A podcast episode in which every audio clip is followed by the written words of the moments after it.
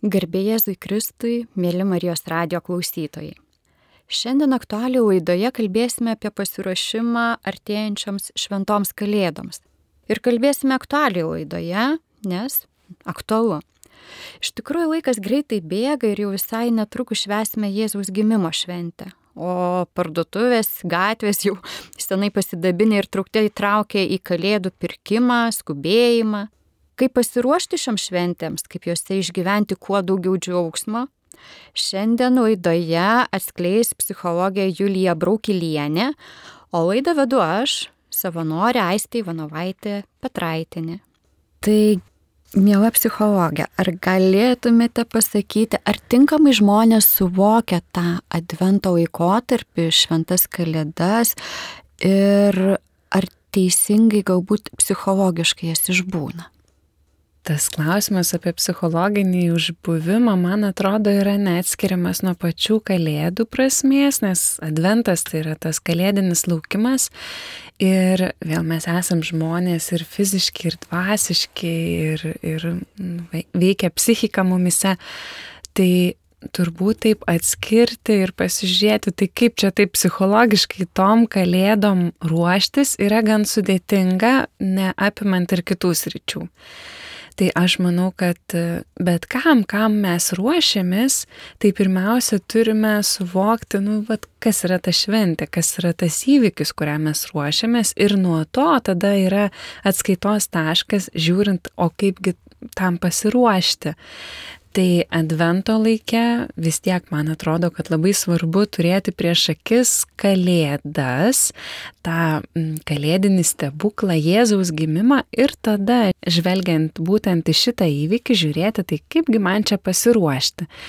Ir tas psichologinis pasiruošimas, tai turbūt daugiausiai bus susijęs su noru išgyventi tikrą šventės prasme, ir tinkamai pasiruošti tai šventiai, pajusti džiaugsmą. Turbūt daugelis iš mūsų, galvodami apie kalėdas, mes turim lūkesti, kad ta šventė bus graži, kad mes būsim jos metu laimingi, Kalėdos dažnai asocijuojasi su šeimo švente, kad mes sutiksim šeimą, galbūt viskas bus gražiau negu kasdien, kažkaip šventiškiau, pakiliau.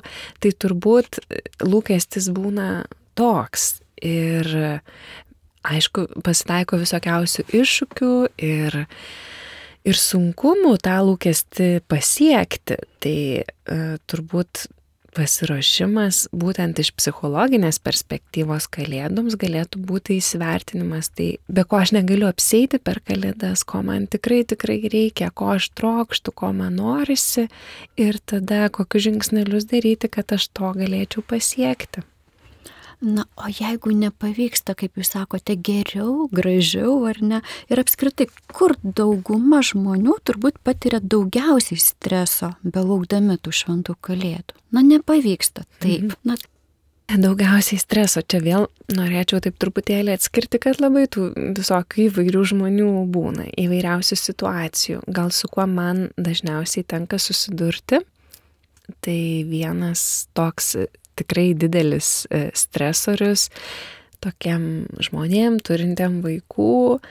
Tai yra kaip suspėti viską padaryti, pasiruošti, visur sudalyvauti. Tai e, prasideda visokie darželių, mokyklų, kalėdinės šventės, kuriuose kviečia tėvus, e, jų laukia reikia surinkti šūsnį dovanų, e, suorganizuoti, kada čia važiuosim pas vienus tėvus, pas kitus tėvus, aplankysim ten vienokius kitokius giminaičius, kokį čia maistą ruošim, kada tą padarysim.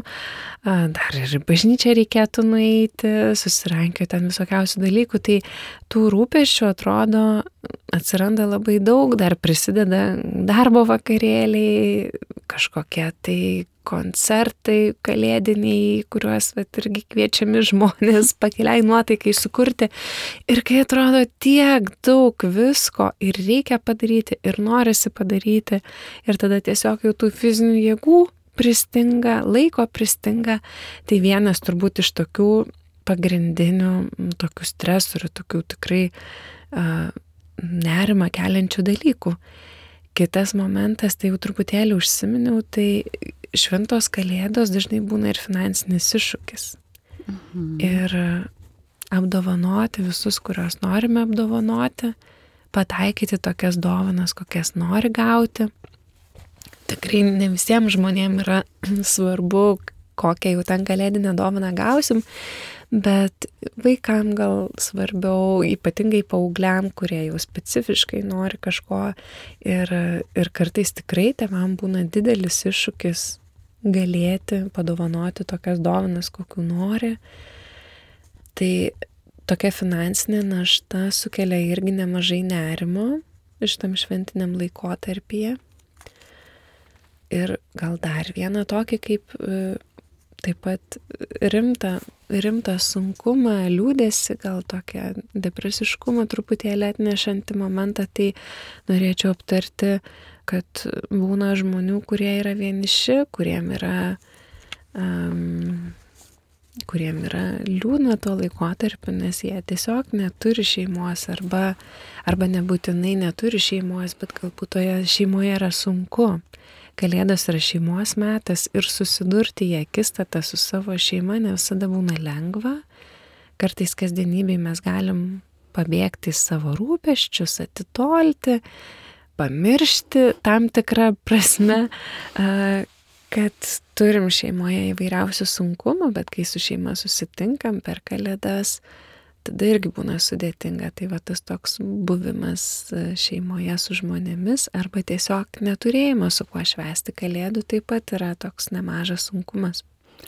Na, kyla tuomet klausimas, o jeigu atsisakytumėm dalies tų vakarėlių, eglučių, kažko ir tas lėtintumėm tą tempą, kaip įtikinti save ir galiausiai tuos mūsų mažuosius, kad galbūt praleidžiame šią glutę ar nenainame ten ir ar tai neiššauktų kalties kaip tėvams jausmui ar ne, tam perfekcionizmui, kad o, o aš čia nenuėjau ir nenuvedžiau vaiko. Kaip, kaip su tuo, ką, kokia jūsų nuomonė? Mm, vėl turbūt labai skirtingos situacijos. Aš čia taip girdėdamas save galvoju, nu, bet nieko taip aiškiai konkrečiai jau čia ir nepasakau, bet tikrai taip, e, bus vieni tėvai, kuriems bus tikrai lengva pasirinkti, pailsėti vietoj to, kad um, eiti į dar vieną kažkokią šventę. Ir jie dėl to jausis gerai, nes žinos, dėl ko jie taip daro, kokia yra jiem to prasmė kad jie renkasi kažką, kas jiem yra labiau vertinga, o kitiem tikrai būtų labai didelis kalties jausmas dėl to, kad aš praleidau kažką, kur, kur vat, mes galėjom nueiti, bet nenuėjom. Aišku, vėl mm, įvairiausi tie renginiai būna. Kartais pagalvoju apie šeimas, kurie augina kokius penkis, šešis, septynis vaikus. Ir kai prasideda šitas kalėdinis laikotarpis, tikrai visi mhm, paprastai darželiuose visada būna kažkokia kalėdinė šventė, pradinėse mokyklose turbūt taip pat, gal jau vyresni vaikai jau švenčia atskirai savo klasėse su savo mokytojais, jau tėvų nebekvečia, bet tas toks spaudimas tėvams sudalyvauti vaikų gyvenime, kuris yra šiaip tikrai labai prasmingas ir gražus, kad nori įtraukti tėvus ir pasidžiaugti kartu su tėvais toj mokyklos ar darželio bendruomeniai. Tikrai tai yra prasminga, bet tai uždeda tikrai didžiulius papildomus tėvam tokius tarsi reikalavimus ir tokią naštą kartais. Tai man atrodo, kad tikrai yra sudėtinga išlaviruoti ir atrasti tą aukso viduriuką, tai kur čia vis tik tai man svarbu ir reikia nueiti, o ką mes galim praleisti. Atsižvelgti į vaiką, vienam vaikui bus labai labai svarbu sudalyvauti ten kokioj darželė šventėje, o kitas gal jisai visai neįims į galvą ir gal tada tikrai galima tą praleisti. Tai tikrai tokių visokių skirtingų yra situacijų Bet jūsų pasiūlymas, kad kažko atsisakyti, tikrai būtų vertingas. Ypatingai aš galvodama apie šitą tokį bėgimo laiką, galvoju vis tik tai ta dvasinė plotmė yra pati svarbiausia - dvasiškai pasiruošti šventoms kalėdoms. Ir nu, kartais atrodo būna tokių situacijų, nu va, čia ir iš pažinties nespėjau nueiti, nes čia reikėjo man kažką kepti, kažkur čia eiti, kažką pirkti. Nu, būna kaip būna, ar ne, bet, bet tada steptelti ir įsivertinti, o tai ar čia ta šventė dėl to, kad mes čia kažką atsineštumėm e, valgyti ir, ir pavalgytumėm, ar ta prasmė didžiausia yra Kristaus gimime ir tam tokiam dvasiniam pasiruošimui. Bet ar čia neprasideda turbūt puikybės ir vertybių sankirta kažkokia tai, kad, na, galbūt išpažinti svarbiau, o ne, nenukrautas tas tavas ten margumynais ar ne. Ir dar kitas klausimas tuomet būtų, o kaip su ta finansinė našta? O jeigu nėra tų pinigėlių? Ir, ir kai matai aplinkui, kad yra kitaip ar ne, ir tai tave turbūt kažkaip vis tiek įtraukia į tą, į tą visą sukūrį, kaip čia jaustis gerai ir ką, ką daryti šeimoje? Tai gal pradės nuo to puikybės klausimo. Tai puikybė, man atrodo, labai daug sričių mūsų gyvenime lenda. Ir e, turbūt ir iš vienos ir iš kitos pusės galime tą puikybę pajusti. Iš vienos pusės tai, kad man nesvarbu mano šeimyną, man nesvarbu, ką mes valgysim per kalėdas, kaip mes čia švesim, aš einu rūpintis savim, savo, savo sielą ir visai nubraukti tuos uh, būtinius rūpeščius, būtinius reikalus, kurie yra viso šeimos reikalas, būtų nesažininga kitų atžvilgių. Bet lygiai taip pat tas kitas kraštutinumas, kur rūpintis tik tai būtiniais dalykais ir nepasirūpinti savo vidiniu dvasiniu pasiruošimu, o norėti ten, kad jau kuo prašmatniau būtų viskas paruošta, kuo ten kažkokie įmantresni patiekalai, tai irgi tam tikra puikybės išraiška, kad aš jau noriu, kad čia vat, viskas būtų tobula ir aš čia būčiau tobulai iškepusi kalakutą ir kad jau čia visi žodžiu džiaugtųsi ir, ir dėkoti man už mano mišrainės kokias nors. Tai, tai čia kitas puikybės kampas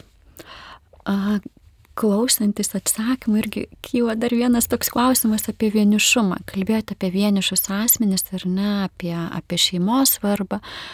Kaip tam vienišam asmeniui jaustis gerai per tas šventes. Vienos iš laidų metu kunigas Kestutis Brilius minėjo, kad galbūt tai yra kažkokios tai ribos, ar ne, kai mes ne, nenukreipiame savo dė, dėmesio į svarbiausią, ar ne, į Dievą ir, ir staiga, ir, ir tai mus kaip ir riboja per tą vienišumo prizmę. Ar tai nėra mano kažkokios psichologinės, na, ribos, problemos, galbūt nežinau. Kaip su ta viena? Pirmiausia, tai mm, pakvieščiau gal nebandyti apsimesti, kad aš nesu vienišas, jeigu iš tiesų taip jaučiuosi, kad aš nesu vieniša, o tą vienišumą savo priimti, leisti savo jausti vienišumą, apkabinti tą savo vienišumą, kažkaip pabūti ir pabandyti suprasti, tai iš tiesų, iš kur tas mano toks vienišumas ateina bet e, nesimurgdyti jame, leisti būti, bet nepradėti visko teisinti savo vienišumu. Ir vienas iš tokių dalykų, ką galiu pradėti teisinti, tai kad neinu į santykių su kitais. Nu, va, aš tokia vieniša, čia manęs neplanko, man nepaskambina. A, ir Ir tada galima pradėti taip gailėti savęs, kad aš tokia vieniša. Ir tas toks savigailos ratas, jis iš tiesų toks yra destruktyvus ir, ir atnešantis mm, dar daugiau tokių nuot nemalonumų. Tai kvieščiau tuos vienišus asmenys iš tiesų ieškoti galbūt, galbūt vis tik tai yra kažkokia galimybė, kažkokie žmonės šalia, su kuriais aš galėčiau mėgsti santyki, turėti tą bendrystę. Galbūt kažkokie tolimesni giminaičiai, galbūt kaimynai, pažįstami, bičiuliai, tie patys parapiečiai. Aišku, tikrai būna tokių situacijų, kur, kur žmonės tiesiog turi judėjimo negalę, negali patys kažkur išeiti, iškeliauti, gyvena vieni ir tada tikrai labai sudėtinga mėgsti tą santykį su kitais žmonėmis, bet kažkokį tokį šiltumą, artimumą palaikyti su vienu ar su keliais žmonėmis, tikrai galima paieškoti būdų. Bet kita vertus, vėl tas santykis su Dievu taipogi mums duoda santyki, kuris yra toks pirmą pradis santykis. Ir e, jeigu yra labai vieniša tarp, tarp žmonių, visą laiką galima e, puoselėti santyki su Kristumi, kuris tą vienišumą gali at, kaip ne tai, kad atpirkti, bet pripildyti, pripildyti tuo santykiu gyvybę, džiaugsmu, turėti ryšį su kitu žmogumi. Ir kartais mes galim turėti puikius, atrodo, santykius su savo artimaisiais, bet kažkoks vienišumas vis tiek išlieka, jeigu mes neturim santykio su Dievu. Tai čia turbūt būtų adventinėme laike puikia proga susimastyti, tai koks tas mano santykis apskritai ir aš jį turiu. Ir ypatingai va, tam tokiam vienišumo kontekste pasižiūrėti, gal nuo čia reikėtų pradėti tą kelionę savo vienišumo pažinime ir santykio kūrime. Dėkoju už gilų atsakymą ir kažkaip e, kilo dar vienas klausimas. Kaip manote, kokia jūsų nuomonė apie persivalgymo fenomeną apskritai per šitą šventės, nes, na, girdime visko žiniasklaidoje turbūt. Tai turbūt čia žiniasklaida, tai kaip žiniasklaidoje, bet pirmiausia, turbūt patiriam savo aplinkoj, atsisėdę patys prie kalėdinio stalo. Na taip, persivalgymo fenomenas, jau net tas pavadinimas fenomenas egzistuoja. Ir čia galima vėl iš tokių skirtingų kampų pasižiūrėti. Vienas momentas, tai noriu vat, prisiminti mano vyro tėtis, karts nuo karto papasakoja, kaip sovietmečiu buvo jo gimtadienis ir jis jau norėjo kažkokių jau ten įmantresnių patiekalų paruošti. Nu, tie įmantresni patiekalai tai buvo gal baltos mišrainės norėjo padaryti ir ten kažkokių šprotų paserviruoti, dar, dar ten kažko, nu, va dabar jau tiksliai nebepamenu, bet, bet jis įminėjo, kad jo kolego žmona dirbo kažkokiuose sandėliuose ir jisai, va, per tą kolegą, per jo žmoną, už jų kažkokią dovanėlę galėjo gauti žirnelių, majonezo ir dar kažko, ko vat tuo metu nelabai būdavo. Ir nu vat jau buvo kažkoks toks gimtadienis su vaišim. Tai turint omeny, kad daug metų lietuvių tauta gyveno va tokiam kontekste, kur baltos mišrainės pasidaryti ar ten kažkokių tai mandarinų ant stalo pasidėti buvo kažkas sunkiai gaunamo, truputėlį nerealaus eiliniam žmogui, kad reikėdavo labai jau pasistengti, kad tą būtų galima padaryti. Tai šventė šventimas ir jos pajutimas per maistą tais laikais buvo labai aktualus, nes iš tiesų žmonės valgydavo paprastą maistą, tokį, kurį nu, vat, galima gauti, o galima gauti tai nelabai kažką įdomaus, tai kažkas įdomesnio, skanesnio suvalgyti tikrai būdavo šventės toks rimtas akcentas. Tai šitaip gyvenus ilgus metus ir dabar atsidūrus tokioje situacijoje, kur mes kasdien galim valgyti baltą mišrainę ir šprotus ir čia joks stebuklas ir net mandarinus ir bananus galim valgyti, tada atrodo maistas kaip šventės tokia puošmena ir akcentas nublanksta. Ir iš kitos pusės atrodo norisi, nu tai dar kažkaip labiau, dar, dar pabrėžti tą maistą, kai mes ir taip kasdien jo daug turime. Per šventės norisi jo dar daugiau, norisi kažkokias tokias tradicijas išlaikyti, ypatingai vat, jaunas šeimos, kur kur atsineša kažkokius savo mėgstamus patiekalus, tarkim, kūčių iš, iš, iš vyro pusės, iš žmonos pusės, atrodo tie patiekalai vadauginasi ir jų vis daugiau ir daugiau. Tai, tai iš tiesų e, galim, galim suprasti, kad nu, tikrai dabar šitoj situacijoje, kokioje mes gyvenam, tas gal nebeturi tiek daug prasmės. Žinoma, valgymas kartu yra svarbus momentas. Yra tikrai daug visokių ir mokslinių tyrimų atlikta, kur sako, kad šeima, kuri kartu valgo bent vieną kartą per dieną, ji būna tvirtesnė ir mažesnė tikimybė jai su toktinėms išsiskirti, jeigu jie kartu valgo. Yra taip pat tam pačiam šventam rašte galim irgi pasižiūrėti, Jėzus su savo mokiniais irgi valgydavo, ar ne, ir, ir šventų mišių, kad irgi kartu mes ateiname valgyti. Kristaus, Kristaus kūną. Tai tas valgymas tikrai yra mums svarbus elementas. Mes be maisto tiesiog po kurio laiko ir mirtume.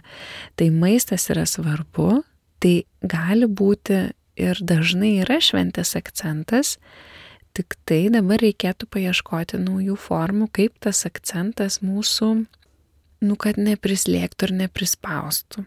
Tai kad būtų optimalus tas maisto kiekis pradžioje, kad nereikėtų tarnauti tam kalėdiniam stalui jau ten kokią savaitę pusantros iki jo.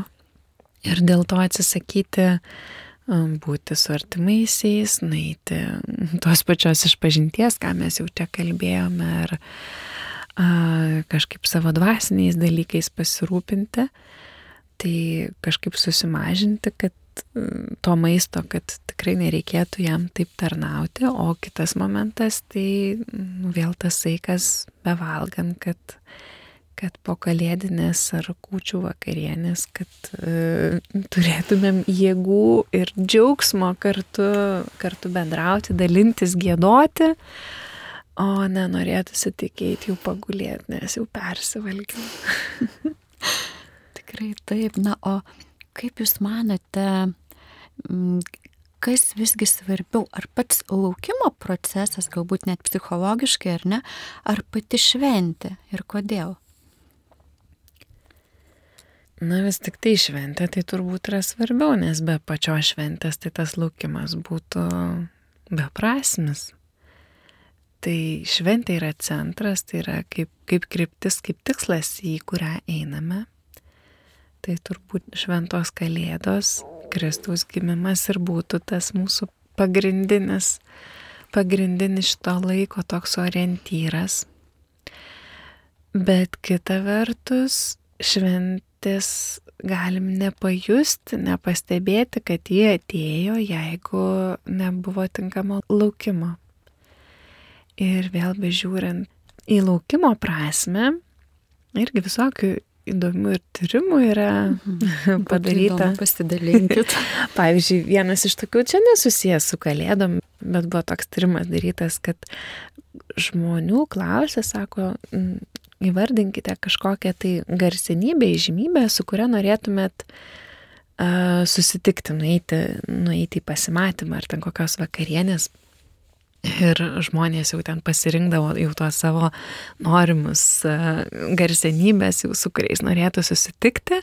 Ir tada jų klausdavo, sako, ar norėtumėt va, dabar pat iškart su juo susitikti, ar norėtumėt e, po kelių dienų. Ir didžioji dauguma žmonių rinkosi, kad norėtų susitikti po kelių dienų. O kodėl norėtų susitikti po kelių dienų, tai vėl čia yra keli elementai. Tai vienas iš tų, kad aš galėsiu jau džiaugtis kelias dienas, žinodama, kad aš susitiksiu. Ir jeigu aš susitiksiu tuo jau pat, aš neteksiu to džiaugsmo laukti. Ir tas laukimo toks džiugesys, jis uh, priduoda taip pat ir džiaugsmo pačiam susitikimui.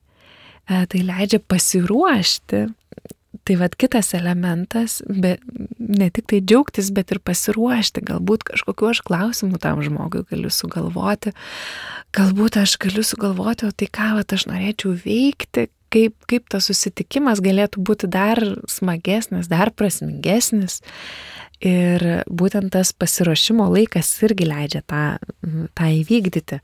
O jeigu aš iškart su juo susitinku, tai aš netenku to ilgo džiaugsmo laukimo ir netenku progos pasiruošti. Tai dabar grįžtant į adventinį laiką, mes gaunam tokias labai aiškias e, gairias, ką galim daryti advento metu, kaip galim ruoštis.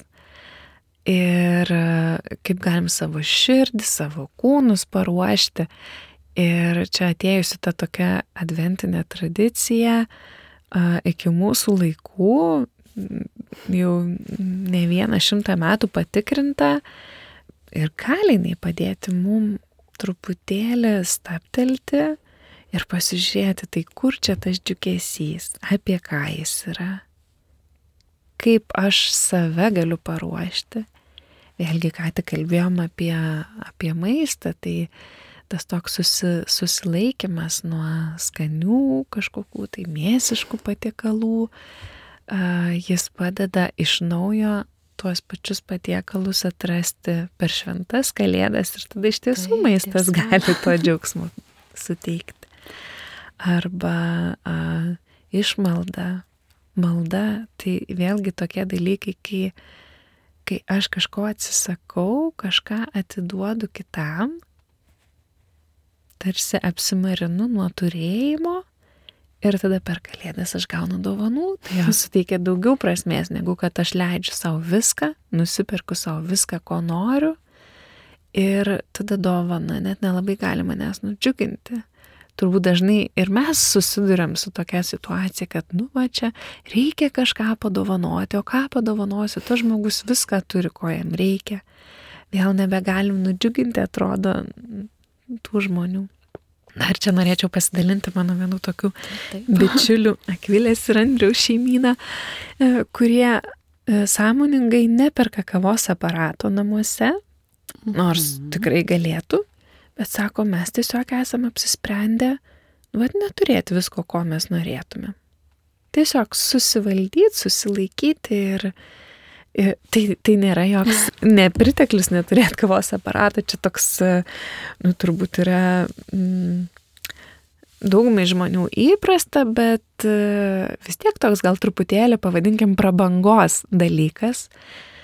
Tai jie pasirinko to neturėti ir tiesiog tai yra būdas vėlgi susilaikyti, susivaldyti. Tai va tokiem žmonėm galbūt va, ir būtų galima kavos aparatą padovanoti, žinotum, ko jie nori, bet neturi. Ar ne, tai, tai vėlgi susilaikimas nuo, nuo pirkimo ir tada kažkam kitam atidavimas e, tų pinigų, tų savo išteklių, tai vėlgi per kalėdas mums suteikia didesnį džiaugsmą gautomis dovanomis. Taip.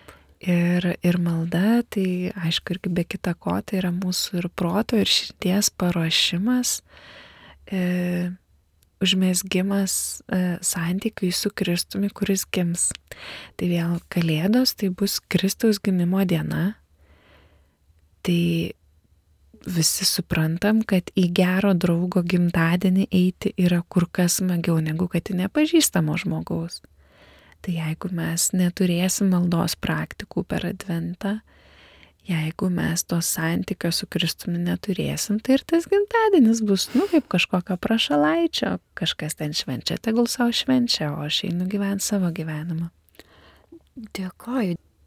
Šiandien su psichologė Julija Braukilienė ir primenu, kad šnekame šiandien apie advento laiką ir kalėdas. Tai, mėla Julija, nebesulaukiu atsakymo apie finansinę dalį, ar ne? A, tikrai smalsu, ką daryti tiem žmonėms, kurie neturi pakankamai finansų pinigėlių, ar ne, ir, ir kalėdiniam dovanėlėm, ir tam pošniam gražiam stavui, kaip jiem jaustis ir kokius matote sprendimo būdus. Jaustis turbūt taip, kaip jie jaučiasi, čia taip nurodyti gal kaip jaustis reikėtų um, turbūt nelabai ir išeitų, uh, bet kvieščiau vėl pasižiūrėti tai, kad tie sprendimo būdai tikrai yra ir, ir um, vėlgi turiu, turiu tokių visokiausių gražių liūdėjimų. Tiesą sakant, ir, ir mano pačios vaikystėje tai tikrai tėvam nebuvo lengva, va tokiam Lietuvos nepriklausomybės laikė. Mano tėtis buvo menininkas, mama augino mus tris vaikus ir, ir nuot kalbėjomės tikrai apie tai, kad e, sunkus buvo laikas auginti vaikus ir tikrai trūkdavo įvairiausių dalykų ir negalėdavo tiek, kiek norėdavo um, leisti tai ir tom pačiom šventėm pinigų, nes jų tiesiog nebūdavo.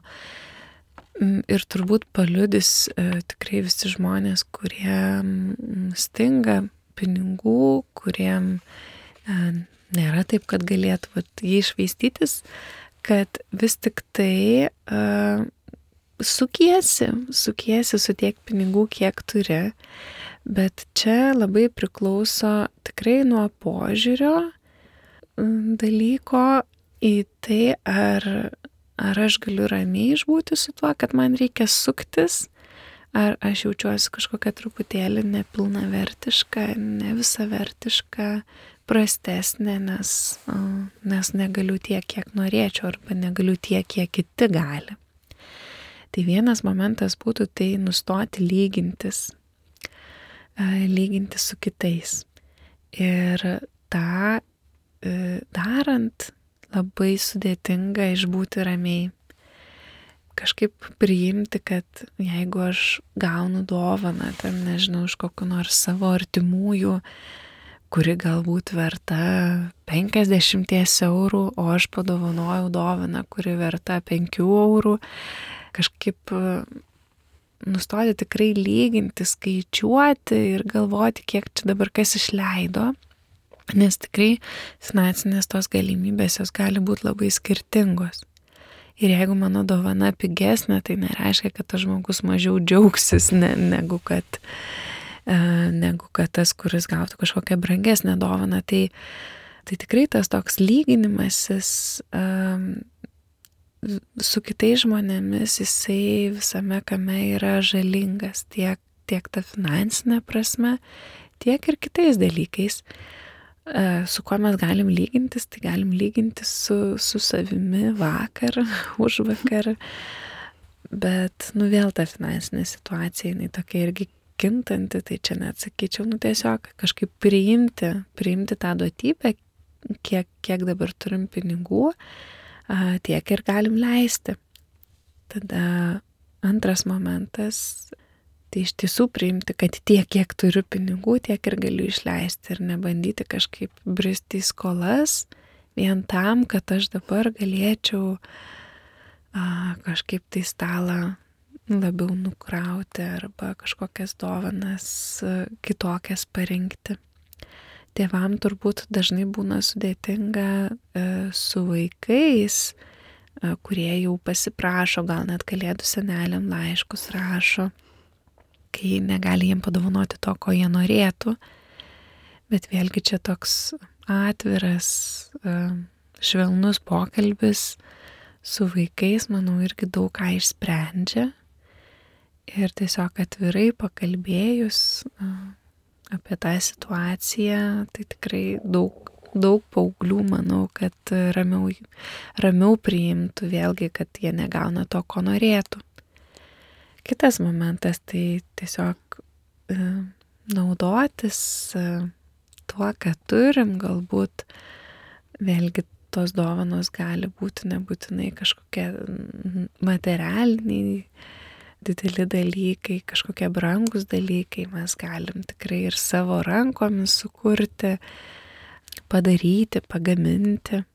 Viena iš tokių gražiausių, e, tokių smagiausių gal dovanų, kur irgi esu mačiusi, tai kaip padovanojo savo rankų darbo lentyną, kur kažkaip kalbėdami apie rankų darbą galvojom, tai čia moteris galbūt dažniau ten kažką mesga, siuva, bet vat, padaryti lentyną taip pat yra toks vat, rankų, rankų darbas iš savo turimos medienos ir tikrai tą lentyną labai, labai džiaugiasi. Tai, tai kažkaip čia šitoje vietoje tikrai kūrybiškumą pasitelkti, žiūrėti žmogų, galvoti apie jį, ko jis norėtų, kas jį nudžiugintų ir pasistengti vat, tą, tą, tą svajonę tokią išpildyti ir kartais tam tikrai visai nereikia daug pinigų, gali reikėti laiko, gali reikėti tikrai pastangų, bet nebūtinai reikės pinigų. Ir vėlgi tos finansinės situacijos jos labai skirtingos būna ir, ir suprantu, kad tikrai būna žmonių dideliam skurde gyvenančių, kur, kur tiesiog net nėra, nėra iš ko kalėdinio to stalo pasidengti.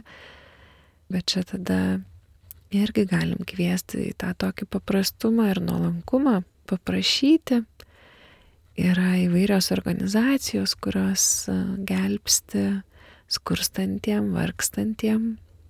Tai tiesiog um, nebūti tame išdidume, atsisakant pagalbos, bet ją tiesiog priimti ir, ir būti dėkingiams, ją džiaugtis.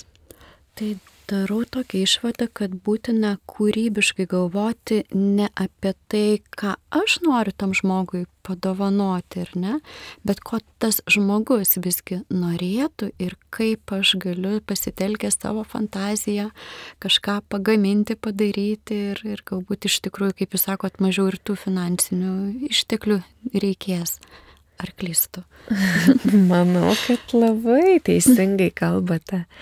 Šiaip visada dovanojant svarbu galvoti ne ko aš noriu, o ko kitas norėtų. Galbūt tai, ko aš noriu, gal, gali man padėti prieiti prie, prie sugalvojimo, kuo ir kitas žmogus pasidžiaugtų.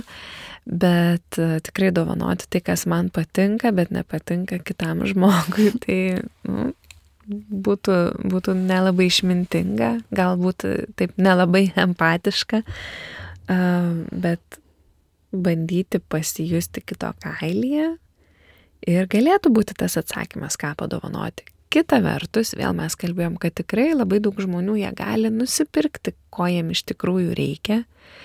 Ir tai, kad mes nupirksim kitam žmogui, tai nebūtinai pradžiugins, bet vat, pasidaryti kažką, ko jie norėtų, a, turbūt jau retesnis, kuris imasi. Pasidaryti, vat, susiorganizuoti, nusimeksti, a, pavyzdžiui, kokią nors rankų darbo mėgstinio, kaina vėlgi labai didelė. Ir padovanoti tokį mėgstinį nupirktą jau būtų tikrai didelis finansinis iššūkis ir galbūt kitas žmogus net ir nedrįstų savo jo pirkti, bet turėti labai norėtų. Tai vad, jeigu moku mėgsti, tai galiu numėgsti mėgstinį ir, ir jis tiek daug nekainuos, bet bus tikrai labai džiuginanti dovana. Ir visgi tuomet, kokios visgi didžiausios yra grėsmės e, žmogaus psichologiniai sveikatai šiuo laikotarpiu? Taip, tai e, pasistengsiu dabar taip apibendrinti, ką mes čia kalbėjom. Tai viena iš grėsmių tai iš tiesų tos tokios stresinės situacijos. Stresas iš esmės nėra blogai, e, jis padeda mus susiaktyvinti, jis tai duoda mums jėgų veikti, bet toks užsitęsęs ilgalaikis stresas, kurio mes nesprendžiam, su kuriuo mes tiesiog gyvenam, jis turi jau tokias ir neigiamas pasiekmes. Tai įeiti į tą tokį užsitęsusi stresą, kai aš kasdien išgyvenu dėl, dėl dalykų, kurie tuo metu vyksta ir jų nu, nebandau išspręsti, tai būtų vienas dalykas. Kitas dalykas, kuris yra panašus į stresą, bet nėra tas pats, tai yra nerimas. Nerimas dėl to, kas laukia. Kalbant apie kalėdas, apie adventą, tai turbūt nerimo labiausiai kelia vat, būtent tas kalėdų laikas. Galbūt čia dar galėčiau išskirti tokius momentus, kaip galima nerimauti, susitikti su savo artimaisiais. Jau čia laidoje truputėlį apie tai buvo užsiminta, bet galbūt čia būtų proga šiek tiek labiau išsiplėsti. Tai e, ypatingai šeimose, kuriuose yra kažkokių žaizdų, e, kalėdinis laikas gali būti sudėtingas.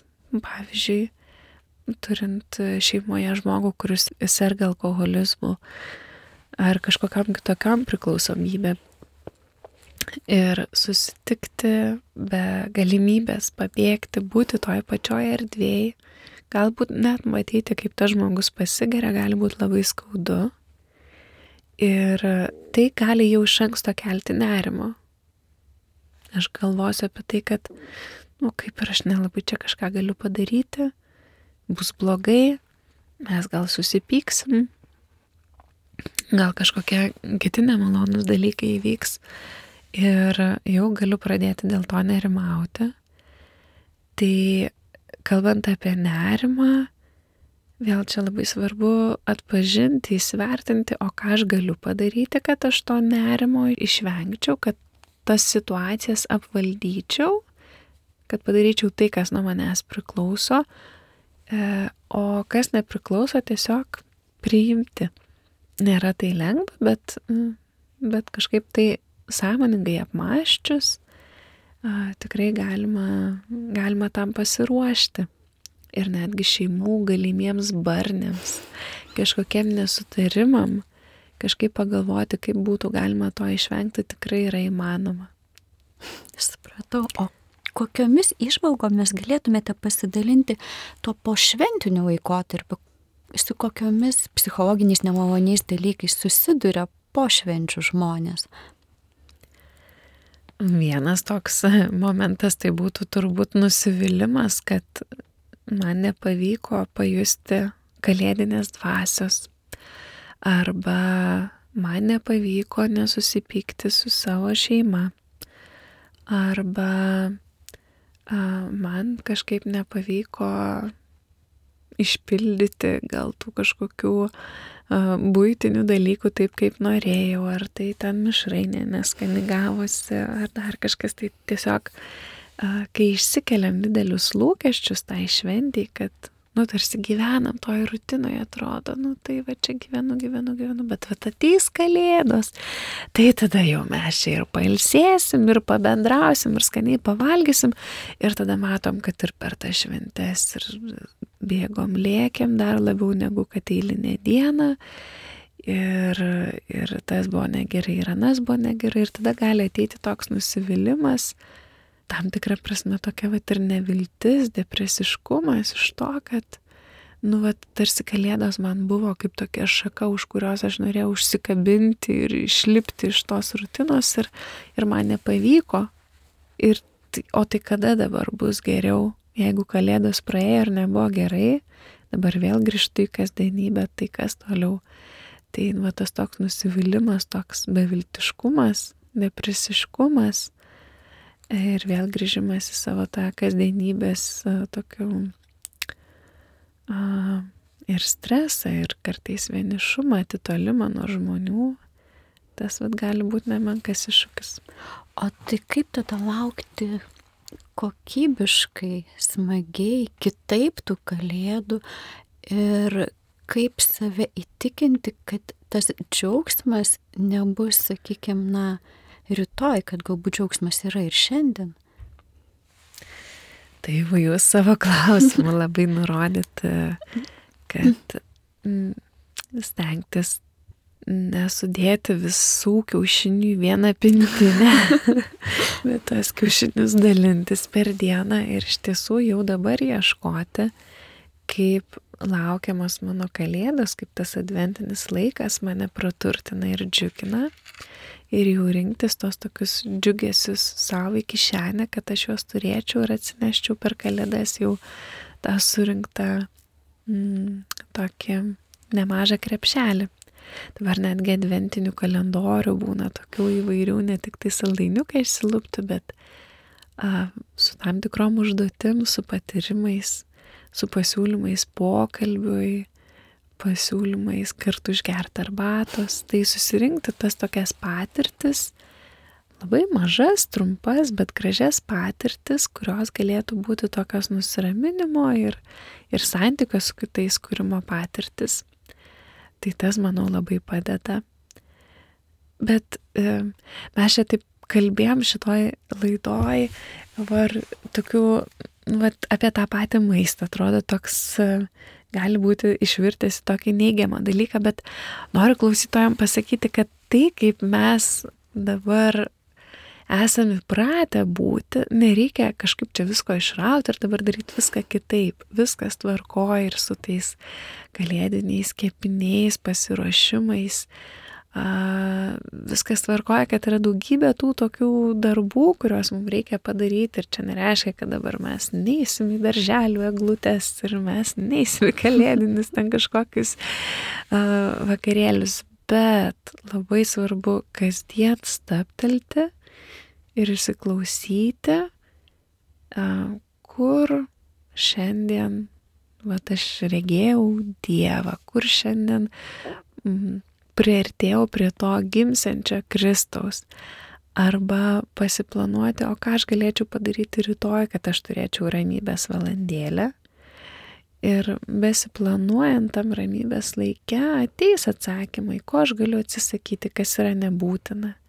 Bet turėti tą prioritetą, kad, nu, tą tokį ir, ir dvasinį, savo emocinį tokį pasiruošimą iškelti tikrai į prioritetinę vietą, kad tai nebūtų, kai jau mm, visa kita padaryta, tada darysiu tai, nes neteis tas laikas, tai reikia kažkaip pasiskirti, permastyti, pergalvoti.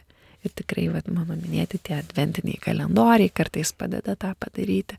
Kasdienė maldos praktika e, įtvirtinta padeda tai padaryti. Tai tiesiog laikytis tų tokių stabilių dienos momentų, ieškoti džiaugsmo ir ir jį neštis į kalėdas, dalintis darbais, paprašyti pagalbos, galbūt tai, kad reikia sutvarkyti visus namus, man vienai gali būti didelis iššūkis, bet jeigu aš pakviesiu savo šeimą kartu tai padaryti, tai galės būti kartu ir santykio kūrimo laikas ir smagus laikas ir galbūt nebus viskas taip idealiai padaryta, kaip aš pati norėčiau, bet vis tiek namai bus švarus ir mes smagiai su šeima praleisim laiką.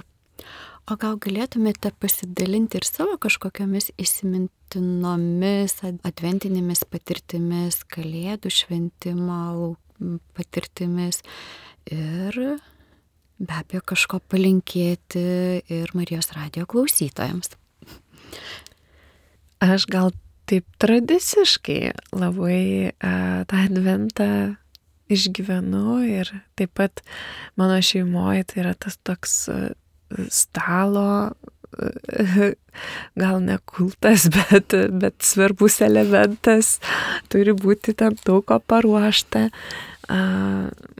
Mama labai rūpinosi, kad ir aš, ir sesė, kad mes mokėtumėm ten ir silkiai išdaroti ir kažkokius dalykus padaryti. Tai, tai tikrai, nu, bet mano gyvenime tokia nu, gan, gan svarbi dalis yra ir tas pasirašymas stalai. Uh, tai, tai tikrai ir, ir kepam kepinius kažkokius uh, sausainius, kučiukus. Uh, tai vad vienas iš tokių gražių momentų, tai uh, pamenu, kaip pat vis per kalėdinių kepinių laiką būdavo, kad e, įsijungdavom e, tokį muzikinį kanalą klasikinės muzikos ir būdavo toks koncertas, kad mes net kelis metus į tą patį koncertą buvom užtaikę, be, be kepdamos su sesė, tai tikrai taip gražu va tokios kalėdinės muzikos beklausant, kartu su kažkuo kepti. Tai man tai patinka daryti. Kartais, aišku, sunku ir man pačiai tas ribas išlaikyti, kad pasakyti, kad jau užtenka, jau dabar metas miegoti, arba čia užteks vienos rušies sausainių ir panašiai. Bet galbūt gražiausias adventas, kurį aš atsimenu, taip pat pilnai išgyvenau, tai, tai buvo, kai iš tiesų tokį gyvenau labai uh, turtingą dvasinį gyvenimą, pavykdavo eiti kasdien į šventas mišes, tas sakramentinis gyvenimas jis taip atrodo pripildo ir tas adventas atrodė toks ilgas. Kažkaip pavyko taip nenuskubėti, bet jame būti ir iš jo semtis, jos konėtis, gerėtis. Ir va tie tokie rasojantis dangus, a, iš savų aukštybių atrodė taip kažkaip tą savo tokią malonę tą laiką pripildė. Tai niekaip kitaip aš to neaiškinu, tik tai kaip tikrai tokia didelė Dievo malonė, kuri, kuri buvo dovanota per, per sakramentus, per tą tokį maldos gyvenimą. Tai ir dabar man nepavyksta to pakartoti. E, gal niekada ir nepavyks, gal ir nereikėtų to pakartoti, bet bandau ieškoti dabartinėse savo gyvenimo sąlygose, situacijoje, o kaip dabar galiu čia geriausiai išgyventi tą laiką. Tai bandau. ir visgi, kadangi laidos laikas besibaigia, kogi palinkėtų met Marijos radio klausytojams? Norėčiau palinkėti šitame dar adventinėme laike e, padovanoti savo sustojimus kiekvieną dieną bent kelių minučių ir prisiminti prasme, dėl ko mes gyvenam. Ir kas tos artėjančios kalėdos, matyti tą tikslą prieš akis, kam yra skirtas šitas laikas, kam yra skirtas adventas.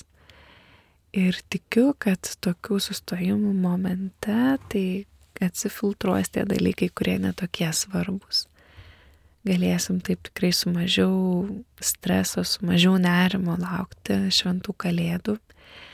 Ir noriu palinkėti visiems, kuriem yra sunku būti tarp savo šeimos narių, pabandyti išspręsti bent vieną situaciją, kuri mane neramina, pasiruošti tom šventom kalėdom ir žinoti, kad bent jau tos situacijos jau nebereikės išgyventi, gal su kažkuo susitaikyti, gal paprašyti kokios tetos, kad ir vėl neklausinėtų, tai, tai kur tavo kavalierius, kad neįstumtų vėl ten į kokią nepatogią, nemalonę diskusiją. Tai kažkaip pabandyti uh, peržiūrėti tai, kas mane labiausiai neramina tuose santykiuose ir bent vieną dalyką išspręsti, kad būtų per šventas kalėdas ramiau. Tai dėkoju dar kartą už Jums už malonius atsakymus ir klausytojams primenu, kad šiandien su mumis buvo psichologė Julija Braukilienė, o kalbėjome apie advento laikotarpį ir apie šventas kalėdas. Dėkojame, kad klausėte šios laidos. Tikimės, kad pokalbį išgirdote, kaip galima pasiruošti toms kalėdų šventėms ir kaip čia išgyventi kuo daugiau džiaugsmo, kad nebūtų juose skubos. Laidoje kalbėjo psichologė Julija Braukilienė, o laidą vedžiu aš, Aistė Ivanovaitė Petraitinė.